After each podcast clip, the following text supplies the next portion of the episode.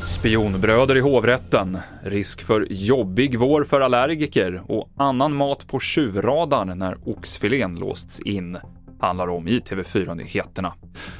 Ja, nu så har hovrättsförhandlingarna inletts mot de spiondömda bröderna Kia i det som kallats för Sveriges värsta spionhärva genom tiderna.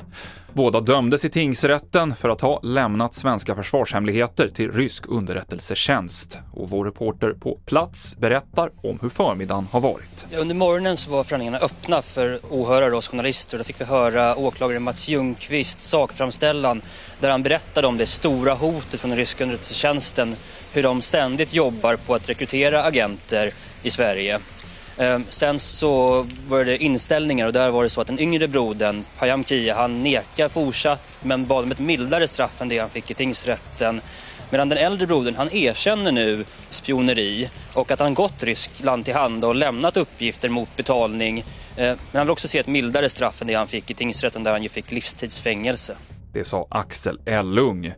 Vidare till ett annat rättsfall, för för en stund sedan kom domen för det uppmärksammade rånmordet i Oskarshamn då en funktionsnedsatt man misshandlades och knivhöggs till döds. En man döms till livstids fängelse för mord och en annan man får sex år för grovt rån. En av gärningsmännen filmade det hela med mobilen och det har varit en avgörande del av bevisningen.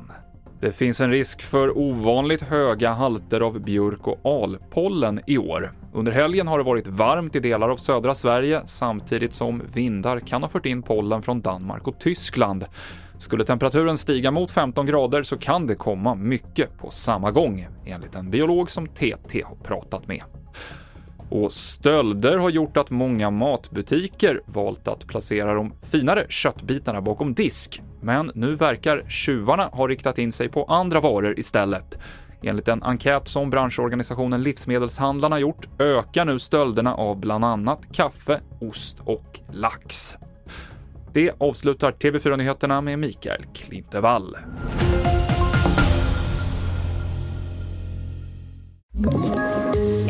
Poddtips från Podplay.